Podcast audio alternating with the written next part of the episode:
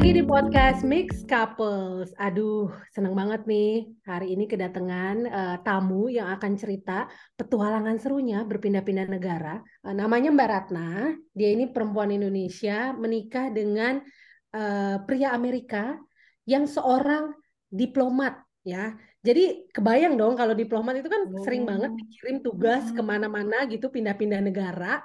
Jadi pengen banget ngedenger pengalaman serunya karena ya, pasti, pasti ada banget ini ada suka, ada duka pasti ya. Jadi hmm. langsung aja kita aja ngobrol-ngobrol kali ya. Iya, ya. halo Mbak Ratna. Halo Mbak Ratna. Halo, selamat pagi dari Maryland, USA. Apa sih sebetulnya senangnya Mbak jadi istri diplomat US? uh, apa bisa keliling dunia atau apa sih Mbak? Tolong cerita, ini penasaran banget. Uh, dulu juga saya bermimpi uh, excited dong, karena kan pasti pikiran kita wah bisa keliling dunia gitu pindah-pindah dari satu negara ke, ke negara lain. Memang betul sih kita pindah-pindah terus-menerus setiap dua, tiga, empat tahun, bahkan pernah satu tahun baru satu tahun satu negara karena uh, satu sebab kita harus uh, pindah lagi. Um, seneng, seneng banget karena uh, kalau misalnya kita jalan-jalan gitu kan kita bisa mengenal satu negara seminggu dua minggu uh, begitu aja ya kita bisa lihat sedikit tapi kita tidak mengenal uh, amat banyak dengan situasi dengan uh, kebudayaan negara itu. Tapi dengan tinggal dan berbaur dengan orang-orang asli negara itu uh, memang jauh lebih uh, lebih terasa. Jadi senangnya ya kita bisa betul-betul mengenal budaya suatu negara itu Eh, betul-betul mengenal uh, karakter dari masyarakatnya.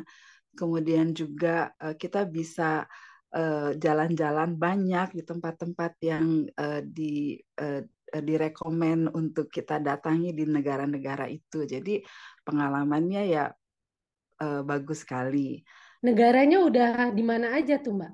Yang kita tinggal ya selama ini kita sudah di Bangladesh kemudian hmm. di uh, Muscat Oman, kemudian di Singapura, uh, Brunei, uh, Indonesia, terakhir di Indonesia dan tentu saja di Amerika juga.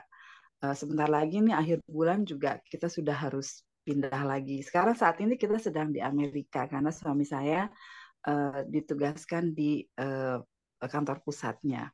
Mbak, dari gitu. berpindah-pindah negara itu kira-kira uh, negara-negara mana nih Mbak yang punya momen gitu, eh, yang paling punya apa ya namanya kesan mendalam gitu? Kalau kalau untuk saya itu uh, Bangladesh itu yang paling meninggalkan kesan yang paling mendalam. Oh, okay. Nomor satu karena uh, itu pos kita pertama, itu pertama kali uh, kita sekeluarga merasakan kehidupan sebagai uh, diplomat Amerika di suatu negara. Kemudian yang kedua juga uh, uh, saya pikir tadinya mungkin sama aja lah sama-sama di Asia gitu ya. Jadi mungkin uh, saya bisa uh, saya bisa secara natural gitu uh, apa blending di sana. Tapi hmm. ternyata enggak uh, karakternya amat sangat berbeda kebudayaannya, karakter orang-orangnya, attitude orang-orangnya itu beda sekali. Hmm. Jadi saya belajar banyak sekali. Hmm. Kemudian juga uh, kita semua tahu ya Bangladesh itu negara miskin banget. Jadi kita hmm. melihat uh, hidup itu uh, berbeda dengan uh, melihat kehidupan di uh, Bangladesh. Bagaimana kita apresiasi hidup, apresiasi apa hmm. yang kita punya gitu. Uh, jadi di situlah saya pertama-tama karena saya nggak bisa bekerja, saya lihat apa ya yang saya bisa uh, kerjakan di sini. Kayaknya mungkin saya bisa bantu sedikit, sedikit aja apa. Jadi uh, saya mulai beberapa proyek sosial kayaknya sejak itulah saya merasa bahwa oh oke okay, this is my calling gitu. I can do this. Hmm. saya bisa bekerja sosial memberikan apa aja yang saya bisa di mana-mana. Uh, itu yang paling berkesan dan juga um, mengenal um, uh, posisi wanita gitu. Jadi uh, di sana itu uh, bagaimana wanita itu amat sangat direndahkan itu membuat kita selalu uh, ingin uh, membantulah supaya empowering perempuan itu di mana pun oh, ya, berada. Iya. Ada contoh kasusnya nggak Mbak? Maksudnya yang Mbak Ratna lihat uh, perempuan sangat direndahkan gitu, terus uh, Mbak Ratna mungkin melakukan apa melalui aksi sosial tersebut? Iya, uh, waktu di Bangladesh nih ya, uh, itu uh, saya bekerja banyak dengan perempuan-perempuan uh, pekerja seks ya di sana itu. Jadi mereka itu sejak bahkan sebelum mereka uh, punya uh, memulai uh, periode menstruasi itu mereka sudah bekerja uh, di bidang itu di dunia itu oh, gitu. Jadi waduh. justru, justru keluarganya yang yang uh, yang uh, apa ya yang yang mendorong mereka keluar untuk mengerjakan itu karena kebutuhan ekonomi kan. Uh, dan itu adalah pekerjaan yang waktunya amat singkat gitu. Dari mereka mulai mungkin 11 tahun mereka mulai pada saat umur 17 tahun tuh mereka udah dianggap terlalu tua. Jadi udah nggak laku lagi gitu. Sudah itu mereka nggak bisa apa-apa lagi. Udah udah jadi sampah masyarakat nggak ada yang mau gitu. Akhirnya uh, saya waktu itu sama uh, dengan dua orang dari uh, British uh, British uh, High Commission itu memulai suatu project ngajarin mereka untuk bikin um, cross stitch uh, apa namanya menyulam itu kita kalau pulang ke Amerika mereka pulang ke UK kita balik lagi bawa bawa bahan bawa hmm. uh, benang kalau benang-benang banyak ya tapi kualitasnya nggak terlalu bagus di Bangladesh bawa jarum-jarum semua terus kita bekerja sama dengan uh, perusahaan kertas di sana untuk mereka bikinkan udah dalam udah dalam potongan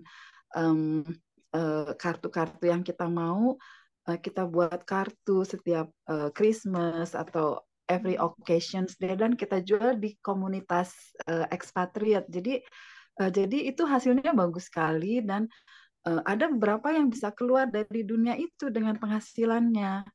Uh, hmm. Kemudian juga di sana perempuan-perempuan itu uh, kalau kita dari keluarga miskin itu uh, menikah gitu kita tuh udah ditindas banget deh dengan keluarga si suami. Kalau misalnya mereka lihat ada perempuan lain yang lebih menarik ya yang yang ini dibuang aja dan uh, betul-betul ditelantarkan. Itu uh, kita ambil kita ajarin bikin uh, table runners atau uh, apa namanya um, uh, spray gitu dari bahan-bahan sari. Itu kan bagus sekali dan murah ya. Jadi tapi jadinya jadi kayak uh, very rich gitu kan dengan color dengan gold uh, thread kayak gitu jadi bagus uh, kita jual juga ke masyarakat internasional dan penghasilannya jadi lebih bagus jadi mereka punya penghasilan dan bisa melaksanakan kehidupan secara layak gitu. Nah, sekarang kalau yang pengalaman yang menantangnya apa nih Mbak ketika tinggal berpindah-pindah uh, setiap beberapa waktu di negara baru nih? Yang paling challenging nih? Ya, eh, pastilah ya tantangan tuh banyak banget. uh, nomor satu, pindah-pindah itu kan repot banget ya, harus packing, unpacking, dan butuh waktu. Uh, itu aja udah udah bikin pusing banget deh. Sekarang aja nih kita udah harus packing ini, aduh udah udah namanya stres banget tapi lama-lama uh, untuk mengenai soal packing unpacking lama-lama uh, ya sudahlah gitu. Kemudian juga mengenal suatu kebudayaan yang baru juga uh, itu selalu challenging, terutama untuk anak-anak karena mereka harus pindah sekolah, ganti teman-teman, ganti uh, mungkin cuaca sekitar, kemudian ganti uh, bahasa yang mereka dengar sehari-hari makanan, kebudayaan juga itu semuanya eh, selalu berganti-ganti. Jadi eh, saya selalu berusaha dengan suami berusaha di rumah itu kita bikin suatu tradisi yang selalu kita punya di rumah. Jadi apa pun yang terjadi di luar sana, kalau mereka udah pulang ke rumah, itulah hidup mereka. Jadi kita ambil beberapa tradisi dari saya dari tradisi Indonesia, ambil beberapa tradisi di mana suami saya uh, tumbuh uh, uh, sejak kecil kita ambil yang di rumah nih selalu kita kita kerjakan untuk anak-anak. Jadi mereka punya uh, suatu uh, uh, apa dasar lah base gitu. Terus yang lain juga suka dukanya um, uh, karena kita berbeda ya uh, uh, kita suatu keluarga yang yang berbeda lah gitu. Uh, biasanya sih uh, dalam komunitas uh, US Embassy itu uh, semua orang baik ke kita, semua orang uh, very nice gitu. Tapi kita tuh nggak pernah jadi friends gitu karena kita selalu berbeda gitu. Terus untuk di komunitas Indonesia di mana-mana pun juga mungkin mereka merasa agak-agak uh, bingung juga gitu ya sama kita. Jadi uh, uh, untuk untuk cari teman yang yang betul-betul deket itu susah karena kita di satu tempat cuma sebentar terus kita sangat-sangat berbeda.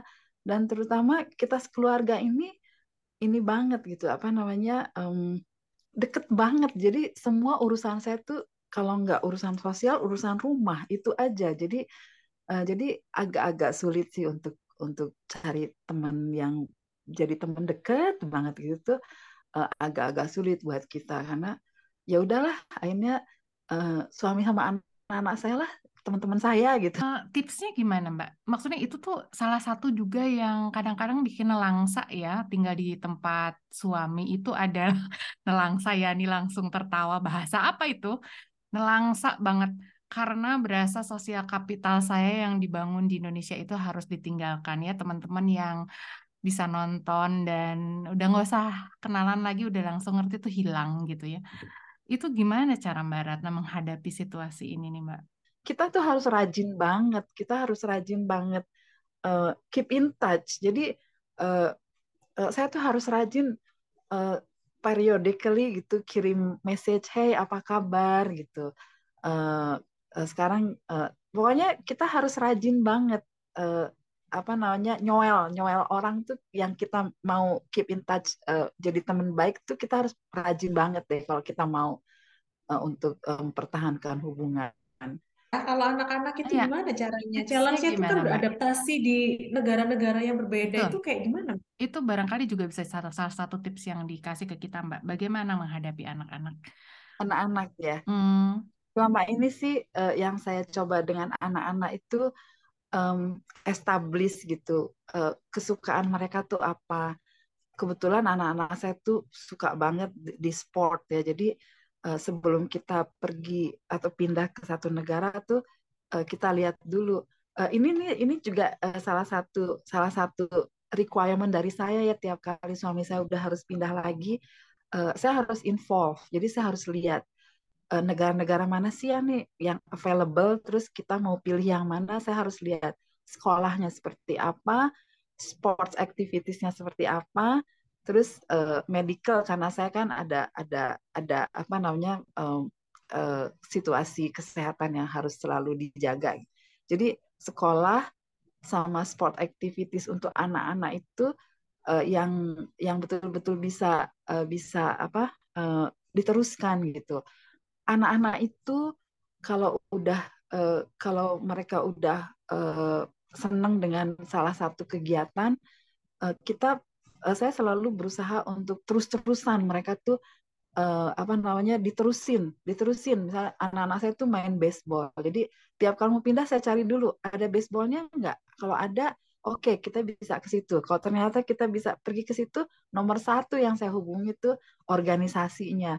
Bisa enggak anak saya uh, join gitu. Jadi uh, dengan sport anak-anak lebih lebih gampang cari temen gitu, lebih lebih hmm. merasa nyaman. Makasih banget nih loh Mbak Ratna. Ini kayaknya salah satu uh, tips yang take away-nya banyak banget kalau buat aku. Tadi Mbak Ratna bilang tentang uh, salah satu tips yang bisa bertahan adalah untuk uh, menyesuaikan diri ya dengan kegiatan yang kita suka. Kalau Mbak Ratna kan dengan kegiatan sosial tadi, terus membangun tradisi di uh, apa namanya tradisi di rumah dengan anak-anak dan keluarga kemudian sering menjalin hubungan ya kontak dengan teman-teman lama gitu dan juga tadi dengan anak-anak ya melihat hobi mereka apa nih yang bisa selalu dipertahankan gitu ya meskipun berpindah-pindah tempat. Nah, itu dia eh, bincang-bincang uh, kita dengan Mbak Ratna. Terima kasih banyak loh Mbak. Uh, kita ya, senang banget, senang banget. Mudah-mudahan manfaat ya.